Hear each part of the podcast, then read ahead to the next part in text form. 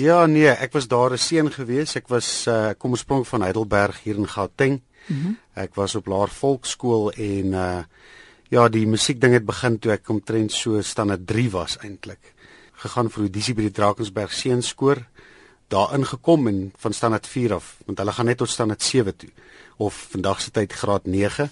So standaard 4 tot standaard 7 was ek daar in die Drakensberg Seenskoor gewees en daarso daar dit eintlik vir my begin die musiek, die klavier, die sang en en so ja, baie baie goeie uh, basis gelê daar. Mm.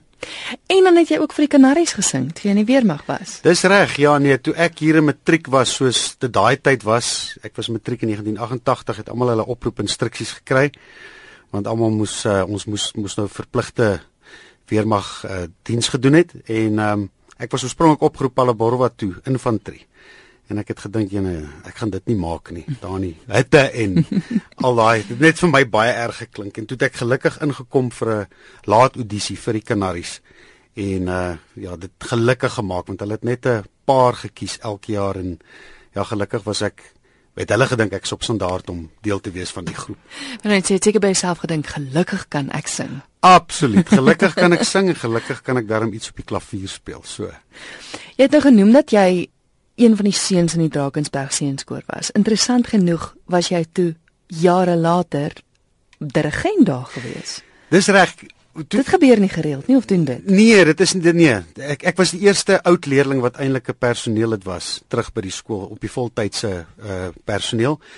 Toe ek klaar gemaak het in die in die in die weermag by die Kanaries in 1990, uh toe het die direkteur van musiek by die Drakensberg seunskoor, Bannie Ashley Botha, my gekontak en gesê dat hy 'n nuwe projek wat hulle wil begin en dit is om studentkoormeesters te begin. Ehm um, by die jong ouetjies nou voordat jy nou uh verder gaan met jou loopbaan of wat en so doen na skool of na weermag, dan gaan jy nou soen toe dan doen jy soos 'n praktiese opleiding mm -hmm. vir 'n mhm. jaar lank. Soos 'n proefonderwyser, maar net vir 'n jaar lank en jy bly daar en ja. en so en jy kry die geleentheid om die kore te werk, om 'n bietjie individueel klas te gee. En daar het eintlik begin en toe ek klaar is met daai student koormeester jaar. Myne was eintlik so jaar 2 maande gewees wat dit gestrek het. Toe het ek ehm um, Dani Botha die, die toe Afrikaan destyds Afrikaanse sanger wat nou gospel sing. Ja. Toe ek uh, werk gekry en, en hy het uh, ek was sy klaverbord speler vir so jaar en 4 maande. So ons het oor die land gewenners en ek kan en al daai dinge. en toe gaan ek terug Drakensberg seenskoor toe as uh, begeleier en ook dan nou klas gegee en 3 jaar begeleier gewees en toe kry ek aanstelling as koormeester uh, daarna. So ja, dit was baie baie lekker. Ek verskrik baie geleer in daai tydperk. Nou interessant genoeg hoekom ek en jy ook vanaand gesels is, jy was by Hoërskool Florida. Jy's by hulle koor wat Conspirito genoem word. Jy's by hulle betrokke en toe gaan jy weg vir baie lank en nou is jy weer terug. Dis reg. Ja, kyk, ek het uh, Conspirito afgerig van Hoërskool Florida tot die einde van 2005.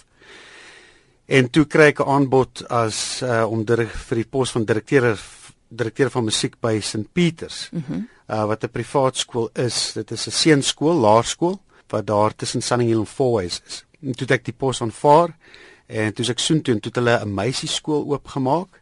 Uh ook 'n laerskool, St Peters uh meisieskool en toe ek direkteur van musiek geword oor al twee die skole. So ek sê is apart, maar die musiek was onder een bestuur gewees, mm -hmm. kan ons maar so noem.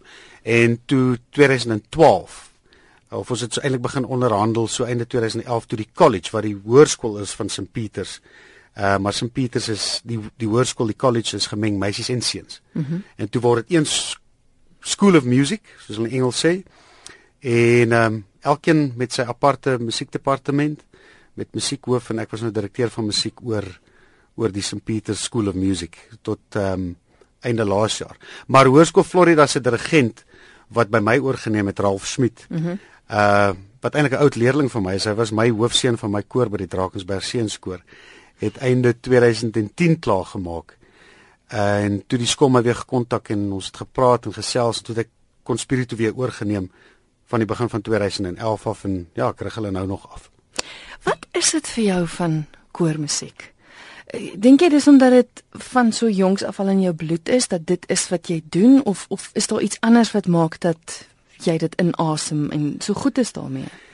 Kyk, ek sal definitief sê vandat ek jonk is want ons was blootgestel aan baie baie musiek, koormusiek daai jare van kore van reg oor die wêreld, veral van van Engeland af, want hulle het 'n geweldige koortradisie daar met die kathedrale, mm. soos King's Cambridge en en daai plekke. En dit is maar iets wat in my en, en ek het ook in 'n huis groot geword met waar musiek baie gespeel was, van boeremusiek tot klassieke musiek. So ek was blootgestel al van voor ek Drakensberg Seenskoor toe was. Maar die feit dat ek nog betrokke is daarbey, dit is dit is die onge, een van die ongelooflikste goed, een van die wonderlikste spanwerke. Hulle sê eintlik dit is want as jy vat die skole byvoorbeeld, jy het nou jou verskillende sportspanne en die sportspanne is ouderdoms, jy weet dit is altyd mm -hmm. onder 13, onder 14, onder 15. Maar as jy skool vat soos Hoërskool Florida, die koor is van graad uh van graad 8 tot 12. So dis die enigste span in die skool wat gemeng is meisies en seuns of ja. een van die enigstes. En dit is ook 'n span wat onder 14, 15, 16, 17, 18, 19 is. So om al daai kinders saam te hê en om almal saam musiek te maak en te kyk vandat jy 'n nuwe stuk kies om te doen en die eerste keer wat die stuk voor hulle gesit word, die bladmusiek en hoe die ding bymekaar kom van waar hulle nie die jy weet wat hulle die ding nou moet aanleer mm. en tot daai eindproduk wanneer jy nou wanneer hy nou wanneer hom nou kan voordra en in in konserte kan optree. En dan ook, jy weet, soos 'n lekker ou goeie rooiwyn soos dit verouder raak dit beter. Raak dit beter. En so daai eindresultaat is eintlik wat en om daai eindresultaat dit is musiek. So dit is dit is dis dis wonderlik en dit is regtig baie bevredigend om om voor so 'n koor te kan staan of 'n so 'n orkes of en met hierdie wat jou hande lig en swaai en hulle volg dit is so span wat daar werk. En uh dit is en die en die bewegings wat jy maak want jou koor begin jy baie goed leer ken. Mm, mm. Soos die jare aangaan. Ja. So met klein bewegings weet hulle presies wat jy bedoel en wat jy ek meen om as jy 'n koor het van 80 en jy wys met jou hande sagter en hulle sing almal sagter of harder of ou gaan vinniger. Nee, dit is ongelooflik bevredigend. Hoe groot is die koor? Conspiritu se koor is omtrent so 82 lede. Ja. Ja. Waarvan daarom hierdie jaar het ons regtig ware uh, of ons ons koorjaar begin September. So ons begin met audisies die begin van September, dan doen ons audisies, dan begin die koorjaar, maar dan is die matrieks uit want is rekordeksamen en dan werk hulle vir eindeksamen. Maar dan begin die nuwe graad 7s wat volgende jaar hoërskool toe kom. Uh, kom hulle al in die koor in en dan die oueres help hulle en hulle uh, lei hulle op en help. Ek wil net sê want dit het, dit moet sy uitdagings hê vir die feit dat jy elke jaar eintlik met 'n uh, nuwe koor begin. Absoluut. Nee, dit is dis verseker so dit is 'n want jy verloor daai sterk groep wat nou al 'n hele paar jaar saam met jou geloop het. Mm. Maar gelukkig ek glo dat die die die die, die hoe die koor eintlik moet werk is dat die die ouer kinders soos jou seniors mm. omdat hulle so lank al saam met jou die pad geloop het en so lank in die koor is help hulle verskriklik baie ek glo baie in leierskap van die van die studente of van die leerders of die koorlede af dat hulle die help by die opleiding van die jongeres wat inkom. En dit is soos 'n tradisie eintlik. So oor die jare so die pad wat jy met daai koor stap. Ehm um, word dit soos 'n net 'n 'n masjien wat so lekker glad loop. En dit is omdat daardie hulp is van die seniors in die koor wat help met daai probleem van hulle gaan nie einde van die jaar uit maar toe maar wat die ding is in plek want volgende jaar is daar nog seniors ja. wat nou jy weet ook van jongs af saam was.